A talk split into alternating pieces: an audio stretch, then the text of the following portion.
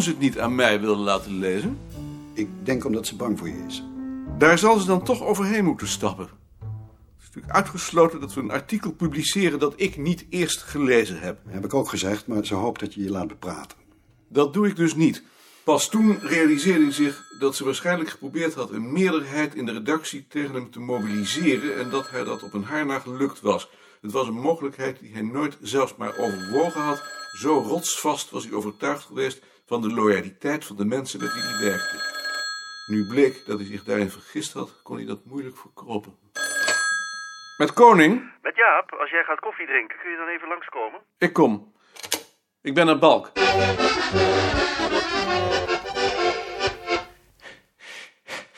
Daar ben ik. Ga even zitten. Ja, eerst dit. Ik heb gisteren een aantal mensen uit Nijmegen gesproken. Ze zijn daar van plan je een gasthoogleraarschap aan te bieden. Die lezing van je over het brood heeft daar veel indruk gemaakt. Het probleem is alleen dat je niet gepromoveerd bent. Dat is jammer. Het zou voor het instituut heel goed zijn. Ik zou dat er onmogelijk naast kunnen doen. Je zou kunnen worden uitgeleend, net als de rode. Ik zou in ieder geval niet te snel nee zeggen. Maar daar gaat het nu niet over. Het hoofdbureau vindt dat er te weinig mensen bij ons gepromoveerd zijn. Ze denken erover een promotieplicht in te voeren. Ik zal daar bij jou niet meer op aandringen, maar je moet je mensen er wel op wijzen dat dat vandaag of morgen geëist kan worden. Is dat rechtspositioneel wel te verdedigen? Dat interesseert niemand. Dan veranderen ze gewoon het arbeidscontract. Daar draaien ze tegenwoordig hun hand niet meer voor om. Begin maar met ze te waarschuwen, dan zien we wel wat dat oplevert. Ik zal het doen. En dan nog iets anders. Het hoofdbureau wil dat er op ons bureau een aanwezigheidscontrole wordt ingevoerd.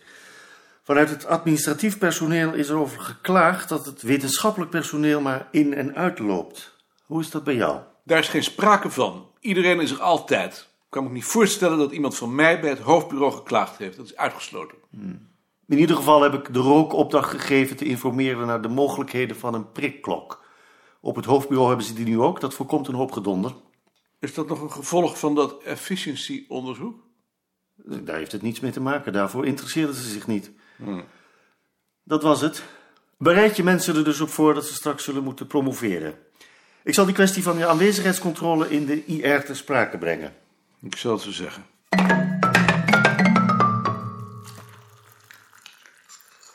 Wat had Balk?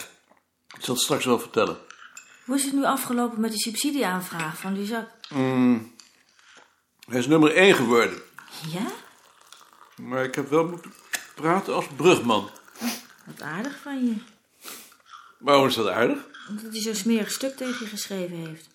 Oh, dat. Maar dat is iets anders. Als ik King Lear moet spelen, stap ik niet halverwege over in de rol van Othello. Ik vind het toch aardig. Het is toch nog anders. Ik ben niet kwaad, omdat hij me niets kan maken. Als ik op straat loop en daar staat een jongen in een leren pak die een beweging naar me maakt. En ik doe niets omdat hij sterker is, dan ben ik kwaad. Maar als ik sterker ben en weet dat ik hem zo tegen de grond kan slaan, dan ben ik niet kwaad. Ja, maar zo is het. Wat had Balk nou? Hij had twee dingen. In de eerste plaats wil hij dat ik jullie erop voorbereid dat het hoofdbureau van plan is promotieplicht in te voeren. Omdat er te weinig mensen hier gepromoveerd zijn. Dat doe ik niet. Als ze dat van me eisen, neem ik ontslag. Zover komt het niet. Dan hadden ze dat bij jullie aanstelling moeten eisen. Ze kunnen het hoogstens vragen van de mensen die nieuw worden aangesteld. Ehm, en het tweede was dat het hoofdbureau een aanwezigheidscontrole wil instellen, omdat iemand van het administratief personeel erover geklaagd heeft dat het wetenschappelijk personeel hier maar in en uitloopt. Dat is de rook. Aha. Balk denkt nu over een prikklok. Als jij maar weet dat ik daar niet aan meedoe. Komt nog in de IR. Maar reken maar. Reken maar dat zien ervoor is. Ik ben er ook niet tegen hoor. Als de te weinig gewerkte uren dan maar automatisch afgetrokken worden van het salaris, zonder verdere sancties, dat lijkt me voor een hoop mensen zelfs een ideale oplossing. Dan zijn de notulen goedgekeurd. Uh, zoek je eens? Ik zoek de agenda, maar ik heb hem al. De heer Kloosterman wil een vraag stellen over de aanstelling van de heer De Rook. Ga je gang. Ik heb mij daarover verbaasd, voorzitter, omdat wij daarmee opnieuw voor een fait accompli zijn gesteld, terwijl er in de tijd, na het vertrek van de heer De Vries, nu juist was afgesproken dat dergelijke beslissingen eerst in de instituutsraad besproken zouden worden. Ik heb daar toch wel bezwaar tegen. Die bezwaren richten zich uiteraard niet tegen de persoon van de heer De Rook. Hij zal mij dit dus ook wel ten goede willen houden, maar ze zijn uitsluitend van procedurele aard. Die kwestie is in de instituutsraad van maart aan de orde geweest. Dat kan ik mij niet herinneren. Leest u het er nog maar eens na. Ik kan mij wel herinneren dat er sprake van is geweest dat de eerstvolgende vacature naar mijn afdelingje zou gaan. Dat heeft hier niets mee te maken. Die kwestie wordt apart geregeld. Ik heb daar al stappen voor ondernomen. Het volgende agendapunt. Uh, uh, ogenblik nog. Ik krijg hier de notulen van de vergadering van maart en daarin staat letterlijk. Het hoofdbureau blijkt te hebben voorgesteld deze twee formatieplaatsen, bedoeld zijn die van Bavelaar en de Vries, te vervangen door één zwaardere en duurdere plaats. Namelijk een beheerder die veel meer betrokken is bij het organisatorische werk en een deel van de werk dat nu bij de directeur terechtkomt over kan nemen. Juist. Daar is toen geen discussie over geweest. Dat is uw zaak. Nu het besluit eenmaal genomen is, is het daarvoor te laat. Maar ik ben nu juist van mening dat de instituutsraad bij dat besluit betrokken had moeten worden. Het nemen van besluiten is een zaak van de directie. Maar hoe kunnen we dan voorkomen dat het de volgende keer weer zo gaat? Door bij tijds te reageren. Maar kan er dan de volgende keer geen agendapunt van gemaakt worden? Ja, dat was toch ook afgesproken? Het zou zelfs automatisch kunnen. Daar heb ik geen bezwaar tegen. Uh, mogen we misschien ook nog weten wat die verzwaring inhoudt? Dat moet er worden vastgelegd. Het zal in ieder geval inhouden dat hij naast de administratie ook het beheer over het gebouw krijgt en dat hij als tussenpersoon zal optreden tussen het hoofdbureau en het instituut. Tot nu toe was Wigbold toch belast met het beheer van het gebouw? Dat gaat dus veranderen. En wat krijgt Wigbold daar dan voor in de plaats? Want anders doet hij helemaal niks meer. Dat is nu niet aan de orde. Nog iemand iets hierover? Dan ga ik over tot het volgende punt, de aanwezigheidscontrole. Meneer Zandgrond? Zou er misschien een raam open kunnen? Want ik vind het hier wel wat benauwd. Gaat u gang. Als het dan maar niet gaat tochten. Het hoofdbureau heeft er bij de directeuren van de instituten op aangedrongen om scherper te letten op de aanwezigheid van het personeel. Op het hoofdbureau zelf is daartoe een prikklok aangebracht.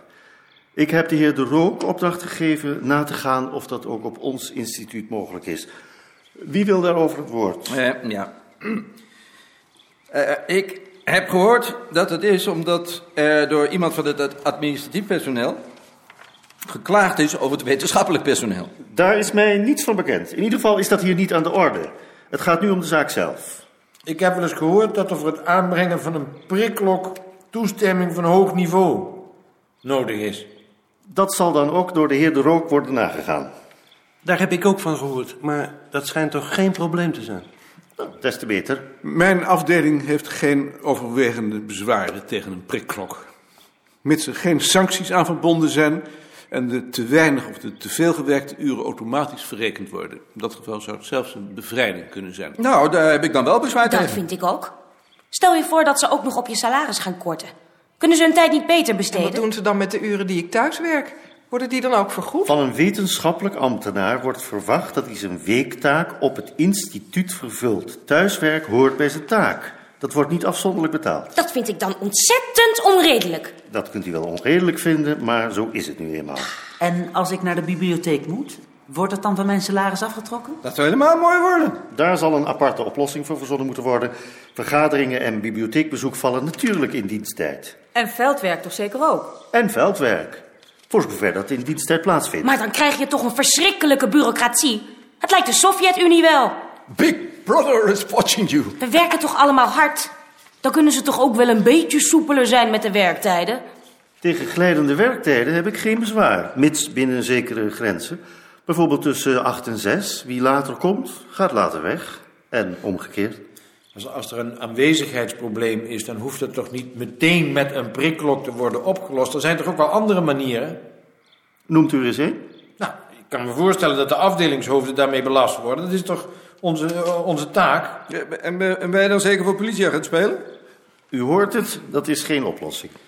En als we nou eens een boek in de loge leggen... waarin iedereen zijn tijden opschrijft als hij komt en als hij weggaat... En wie controleert dat dan?